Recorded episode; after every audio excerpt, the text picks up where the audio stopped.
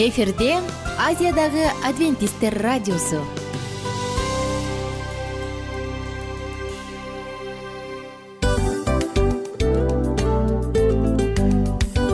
Достор салют. Баардык сүйүктүү угармандарыбызга салам айтабыз. Кутман күнүңүздөр менен.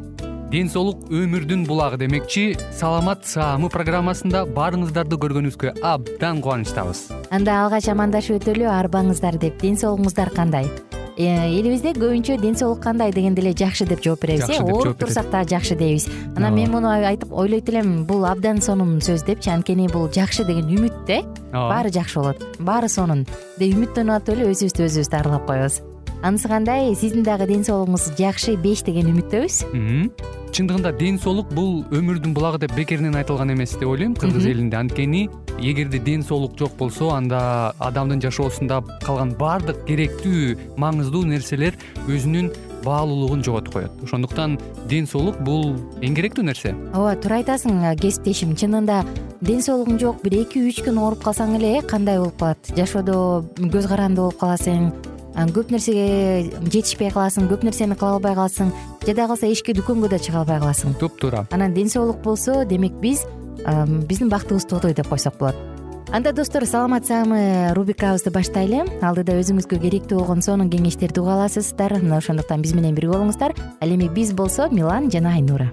Кеттик алга. Алга саламат саама ден соолуктун жарчысы. Саламат саама ден соолуктун ачкычы. Күн сайын сиз үчүн мыкты кеңештер сонун жаңылыктар кызыктуу фактылар биздин рубрикада.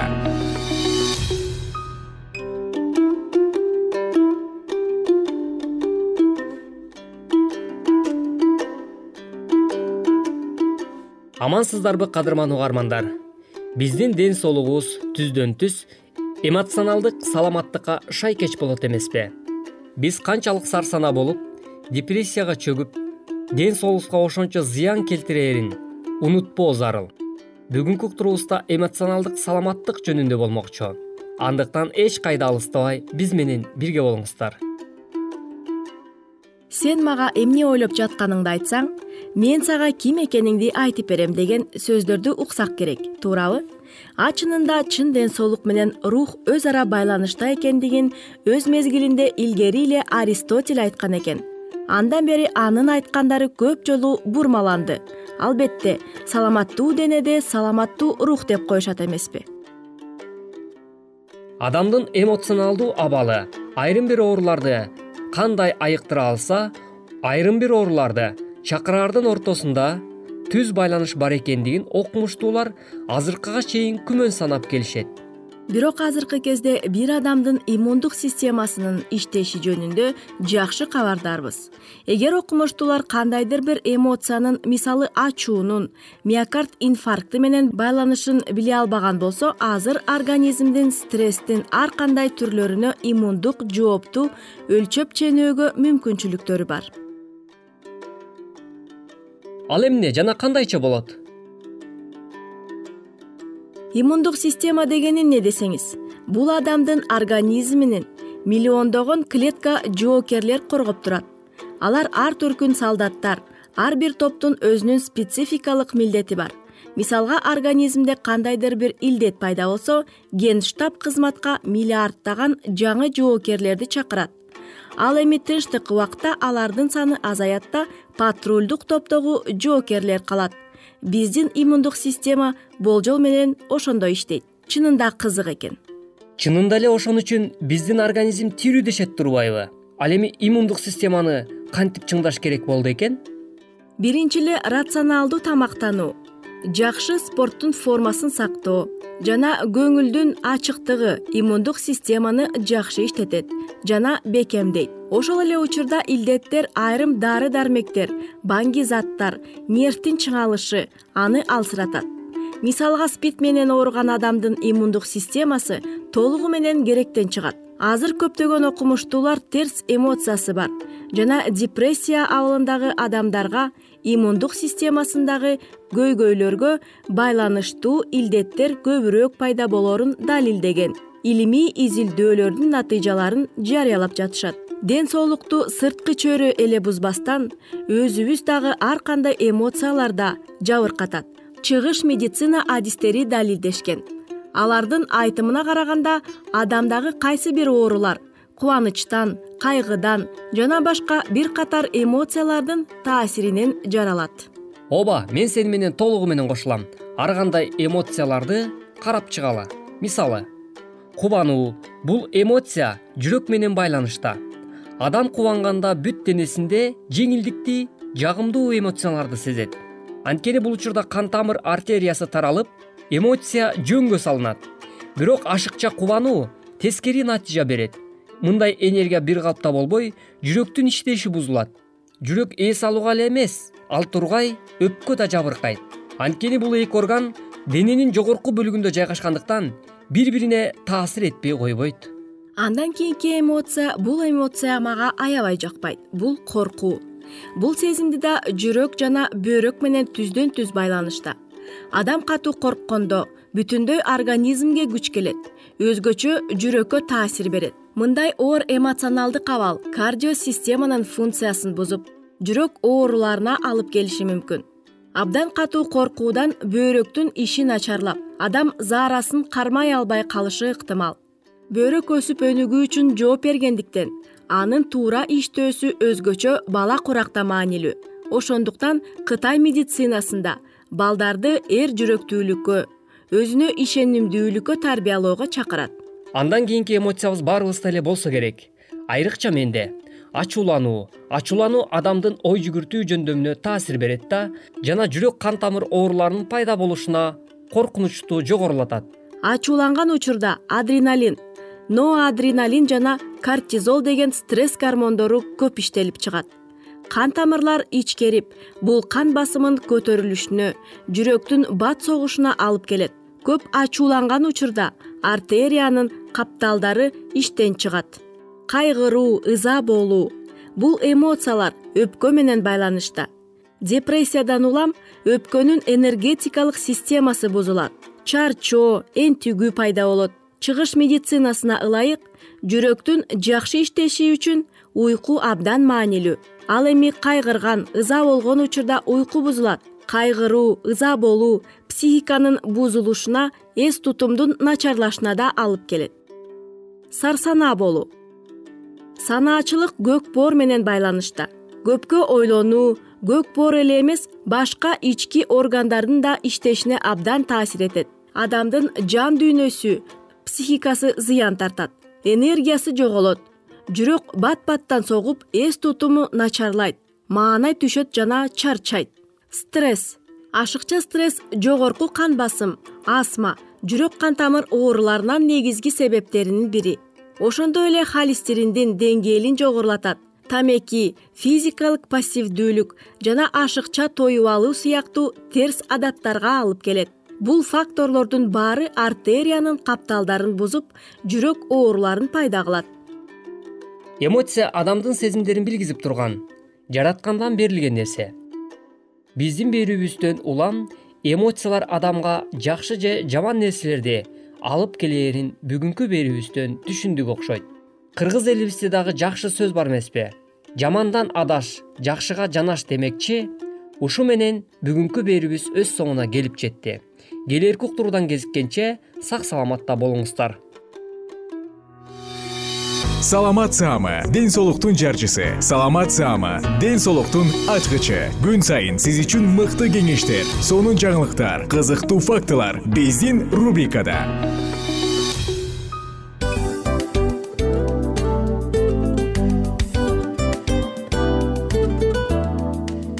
Салам достор.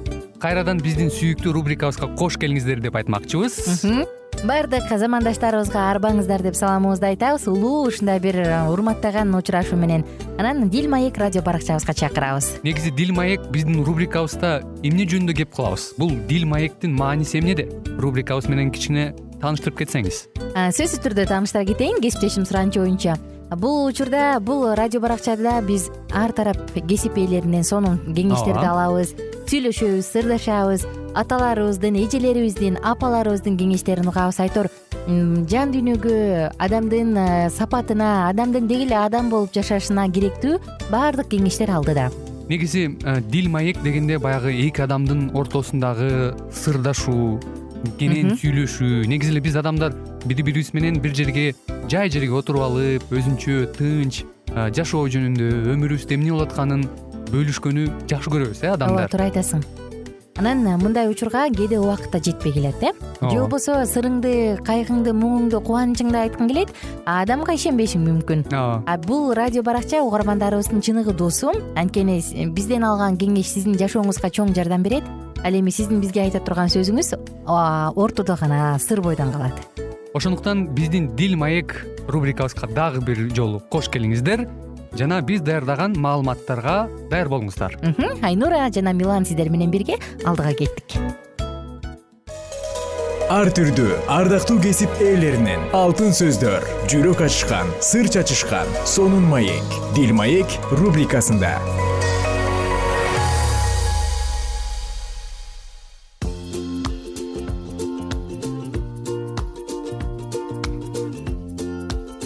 салам достор. Кайрадан сиздер менен мен мику жана аку сүйүү темасына арналган ар кандай темаларды козгойбуз.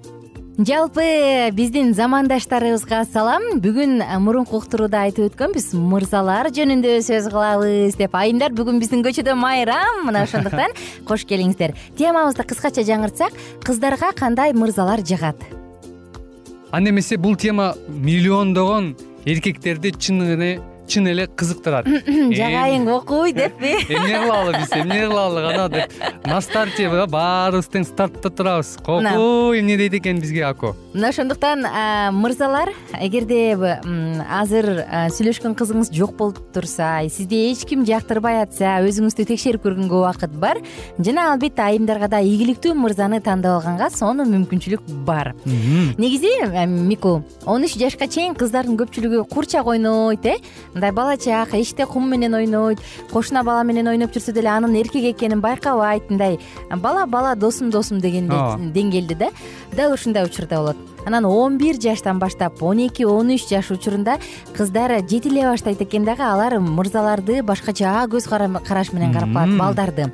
Анан бул учурда бул эркек экен деп кандай адам болду экен? Бул ким болду экен? деп акырындан сүйүү темасы ойгоно баштайт дейт анан башталабы пилус милус кадыр пилус айсулуу вечная любовь деп заборлорго жазган анан менин бир жакын кесиптеш эжекем айтып калат. Көбүнчө кызы он эки он үч жашында мен аябай бир кыйынчылыкты башымдан өткөрдүм дейт да. Анткени ал денелик жактан физикалык жактан кадимкидей чоңоюп мырзаларды караганда жазана баштады. Анан бул мага кечээ эле курчак ойноп жүргөн кызым бүгүн ушундай болуп калса дейт аябай катуу тийди дейт да. Анан мен кызымды бала катары кабыл ала албай сен андай кылба сен мындай кылба деп көп тыюуларды койдум дейт. Анан бирок бир нече убакыт өткөндөн кийин жок менде деле бул учурда ушундай болгон бул деген жашоонун мыйзамы турбайбы? деп башымды баягы мойнума алып тескери ага туура мамиле кылганды үйрөткөндө экөөбүздүн мамилебиз жаккандады дейт да. Кызыктуу. Апалардын көпчүлүгү үчүн дал ушул кыздардын он бир жаштан он төрт жашка чейинки курагы катуу тиет экен апаларга. Элестетип көр таң каласың э эми бир азырынча башыбызга жете элек жете элек анан ошон үчүн балким бул бизге башкачараак өнүрөөк учурашы мүмкүн а чын чынына келгенде ушундай экен. Кызыктуу. Негизи эле кыздар негизи эле биз э, адамдар ушундай ар кандай Э, бири бирибизди башка жыныс адамда адамды кабыл алганда ар кандай этаптардан өтөт экенбиз мисалы үчүн кыздар дагы эркектер дагы биз өзгөчө мындай кызыктуу бир э, кадамдарды таштап ошондой э, бири бирибизге кызыккан учурга чейин келет экенбиз да. Ооба. Ошон үчүн эми аку көп күттүрбөй баштай бер шатыратчы деппи шатыратчы мен кандай мен китептин негизинде да бир эки үч сөз айткым келип турат. Негизи эле он үч жаштан кийин айымдардын көпчүлүгүнө таза жарашыктуу вкус менен кийинген мырзалар жагат дейт. Бул чын эле ушундай. Мисалы өзүм деле өспүрүм кезимде эстесем айым могул аябай жарашыктуу кийинет тыпырайып кийинет э! деп анан кыздардын көзү түшүп калат да. Анан кийин убада берип анан эртеси аткарбай койгон эмес ошол убадасына турган турган алып келип берем десе алып келип берген чынчыл мырзалар жагат. Бул айымдардын жүз пайызына тең жагат. Анан жолугушууга чакырып коюп өзү кечигип жүрсө ой андай мырзалардан айымдардын көңүлү бат эле калат анан сүйлөшүп жатканда дагы көп нерсе маанилүү э жолугушууга чакырабы же жөн гана сүйлөшүп атабы ошенткен деле өзүнүн көйгөйүн айтып өзүнүн өзү жөнүндө эле айтып мактанып эле берсе бул баардык айымдарга жакпайт. Мына ошондуктан кандай гана мырза болбосун кайсы гана куракта болбосун ал сүйлөшүүнү билиши керек баарлашууну билиши керек.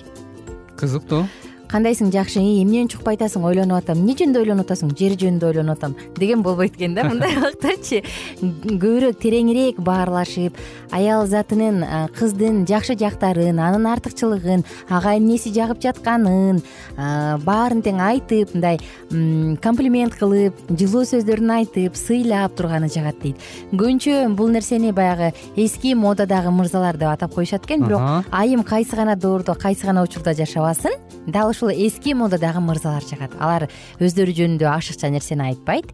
Кыздын жагымдуу жактарын баса белгилешет анын сулуу экенин жазанганын татынакай экенин жарашыктуу кийингенин баса белгилейт. Анан биринчи кезекте сыйлайт.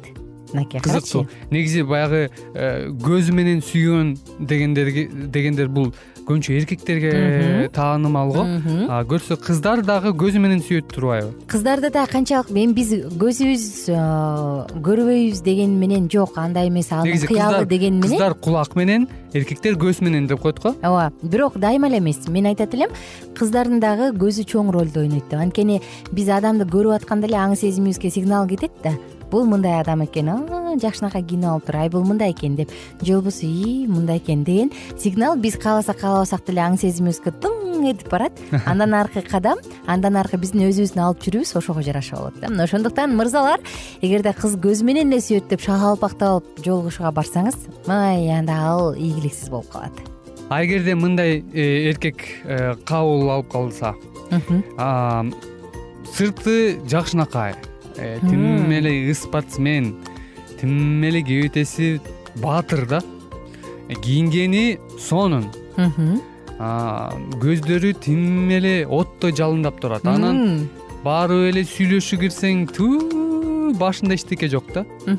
Кандай карайсың анда албетте эгерде акылы жан дүйнөсү бай кыз болсо андайдан качат деп ойлойм. Качыш керек деп анткени жөн эле сыртын сырт келбети менен эле жашап бербейби анткени жөн гана сырткы келбет менен жашай албайбыз. Биз адам мүнөзү менен жашайбыз го. Э адамдын баардык жетишкендиктери да эмес адамдын мүнөзү менен жашайбыз да. Мына ошондуктан эгерде ал адамдын ички жан дүйнөсү бош экенин көрсө анда андай адамдан качат кыздар? Акылдуу кыздар качып кетет. Э, сейил калдыбаева эжекебиздин да айткан сонун сөздөрү бар.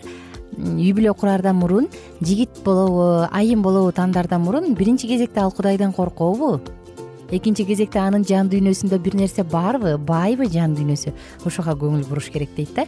Анан туткан динине анын билимине анын чоңойгон үй бүлөсүнө анын тегерегине анын ошол майда чүйдө нерсенин баардыгына тең көңүл буруп анан чечим чыгарыш керек дейт. А бирок кээ бирде мындай да болуп калышы мүмкүн. Сырткы келбети тескерисинче анча эмес жүдөгөн балким эми сулуу жигит эмес баягы сенин стандартыңа келбеген жигит да.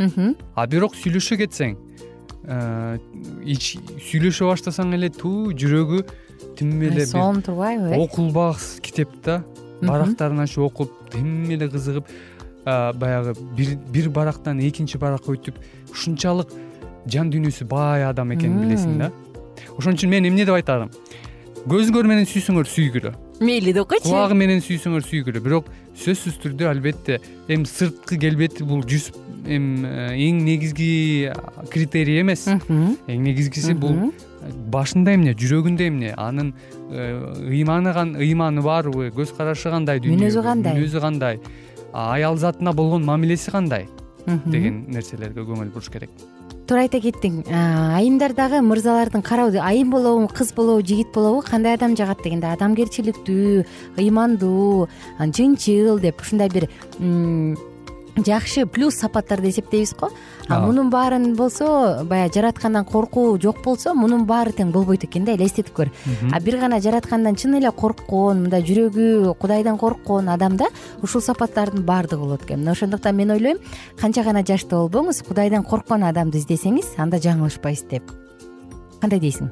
Мен да макулмун. Албетте жүрөгүндө таза жүрөк болуп э, көз карашы таза аялдарды урмат сыйга бөлөгөн сөгүнбөгөн э, менменсиген иштерди кылбаган иш кылса ушундай таза жигит. Албетте мен сиздерге идеалды тартып бердим окшойт азыр бирок биз ага баарыбыз аракет кылышыбыз керек. Анан да айымдар көбүнчө чылым чеккен көп ичимдик ичкен баңгизатын колдонгон мындай адамды кыжырданткан кырс мүнөз мырзаларды көп жактырышпайт. Жактырышпайт деп эле кесе айтыш керек. Андай мырзалардан качышат экен. Мына ошондуктан жаман сапаттардын эмес жакшы сапаттардын ээси болуңуз да. Болочокто өзүңүзгө э, төп келе турган сонун жубай тандап алыңыз. Биз болсо убактыбызды соңуна чыгарабыз. Баардыгыңыздар менен кайрадан амандашканча. Пока пока ар түрдүү ардактуу кесип ээлеринен. Алтын сөздөр жүрөк ачышкан сыр чачышкан сонун маек. Дил маек рубрикасында.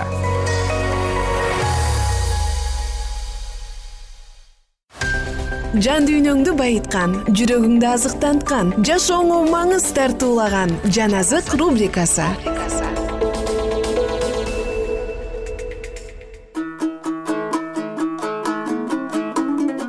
саламатсыздарбы кадырлуу кыргыз элим. Сиздер менен улуу күрөш китебин улантабыз. Форель швейцариядагы өз ишин мектеп мугалими болуп эмгектенүүдөн баштаган. Бир чүркөө уюмуна биригишип өз өмүрүн жаш балдарды окутууга арнаган. Балдарды жөнөкөй мектеп окутууларынан тышкары ыйык жазуунун чындыктары менен кичинеден тааныштыра баштаган. Жана алар аркылуу алардын ата энелерине дагы чындыктарды жеткирүүнү каалаган.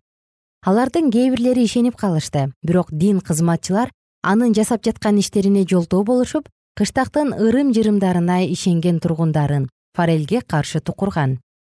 Бул ыйса машаяктын жакшы кабары болушу мүмкүн эмес дешип бекемдешти алар. Анткени анын айткан насааттары тынчтыктын ордуна согуш алып келип жатат машаяктын алгачкы шакирттери сыяктуу форель дагы бир шаардан куугунтуктаса экинчи шаарга барып турган.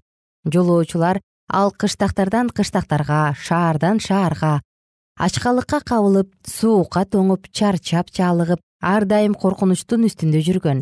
Өз насааттарын бирде базарларда айтса бирде чиркөөлөрдө ал эми кээ бир учурларда чогулуш болгон жерлердеги кафедрага айтууга туура келген. Кээде ал насаат айткан жерлерде эч ким болбой калса кээде анын айткан насааттары кыйкырык жана шылдың менен коштолгон. Кээде аны жөн гана кафедрадан сүйрөп чыгарышкан көп жолу ага каршы адамдарды шыкашып аны өлөөрчө сабатышкан жана ошонун баарына карабастан ал алдыдагы жылып жылып акырын алдыга кете берди. Көп жолу жеңилүүгө учураса дагы кайрадан өзүнүн басып кирген ишин тырышкандык менен уланта берген. Жана башта папанын коргонучу болгон айыл кыштактар көп убакыт өтпөстөн өз эшиктерин жакшы кабарга ачып беришти. Өзү алгачкы ишин уланткан кичинекей чиркөөнүн уюму реформаторлордун ишенимин кабыл алышкан.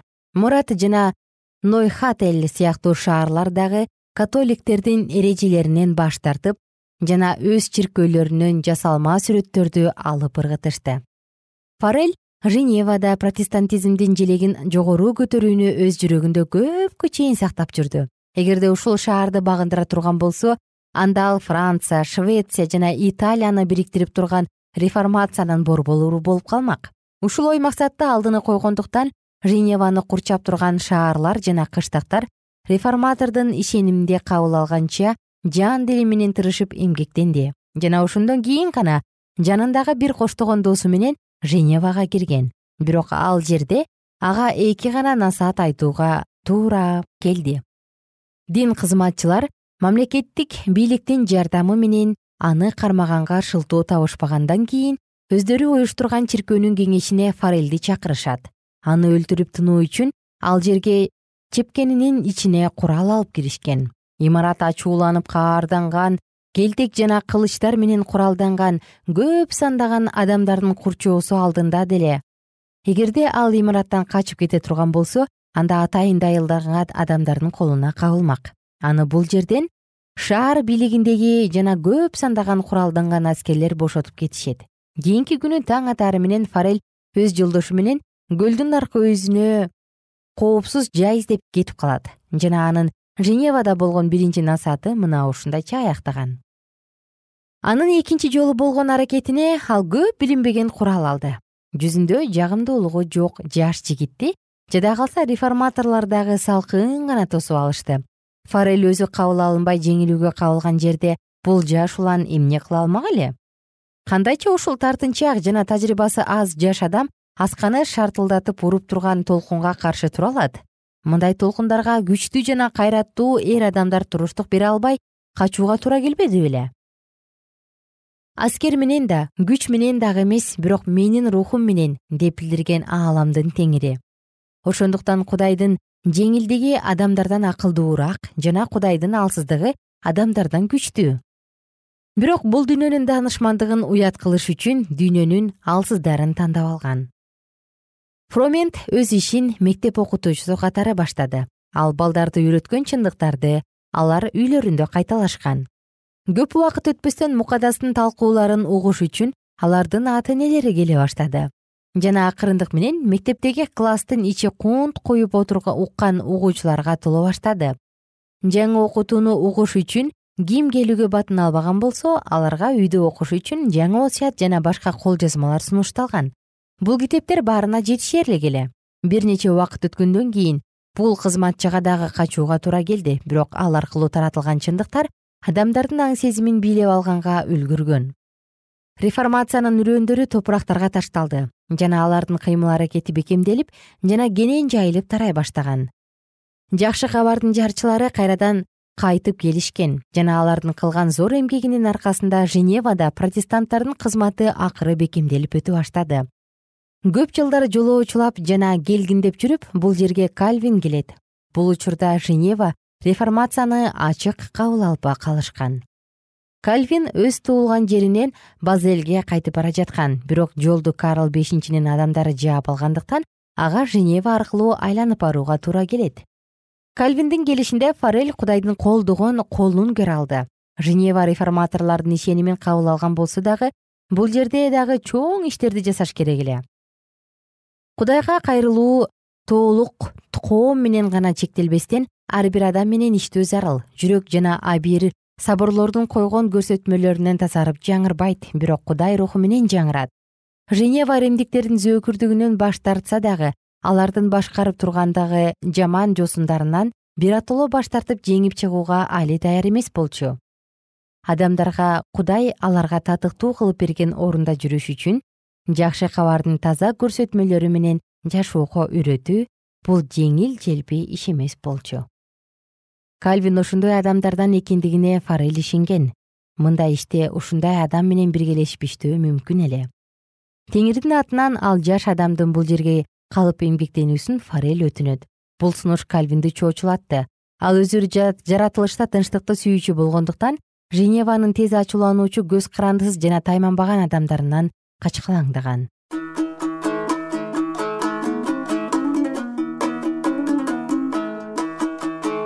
ардактуу достор кызыктуу окуянын уландысын кийинки уктурууда биз менен бирге тыңдаңыз. Баарыңыздарга амандашканча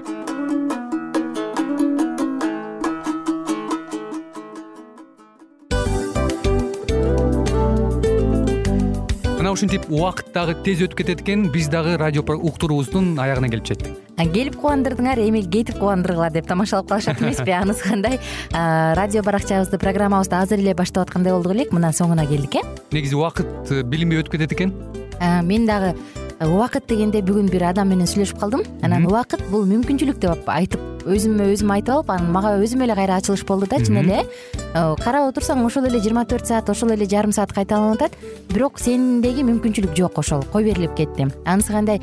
Бүгүнкү сонун убактыңызды алтындай болгон жарым саатыңызды бизге бөлүп арнаганыңыз үчүн ыраазычылык айтабыз анан жашооңуздун кайсы бир сферасын өзгөртө турган сонун пайдалуу кеңеш алган болсоңуз анда биз максатыбызга жеттик. Анан ушул нерсени кылбасам десеңиз ошол өзгөрүүлөрдү кичинекей кадамдардан баштап иш жүзүнө ашырыңыз дагы жашооңузда чоң чоң ийгиликтерге жетиңиздер. Чын жүрөктөн ар бир берилген кеңештер сөздөр сиздерге пайдасын алып келет деп ишенебиз. Жана кийинки уктурууларда сөзсүз түрдө чыдамсыздык менен сиздерди күтөбүз сагынычтуу салам айтып кайрадан дал ушул жыштыктан баардыгыңыздарды тосуп алганча кызматта мен айнура жана кесиптешим милан. Анда кол булгалайбыз жалпыңыздарга ийгиликтүү күн. Саламатта калыңыздар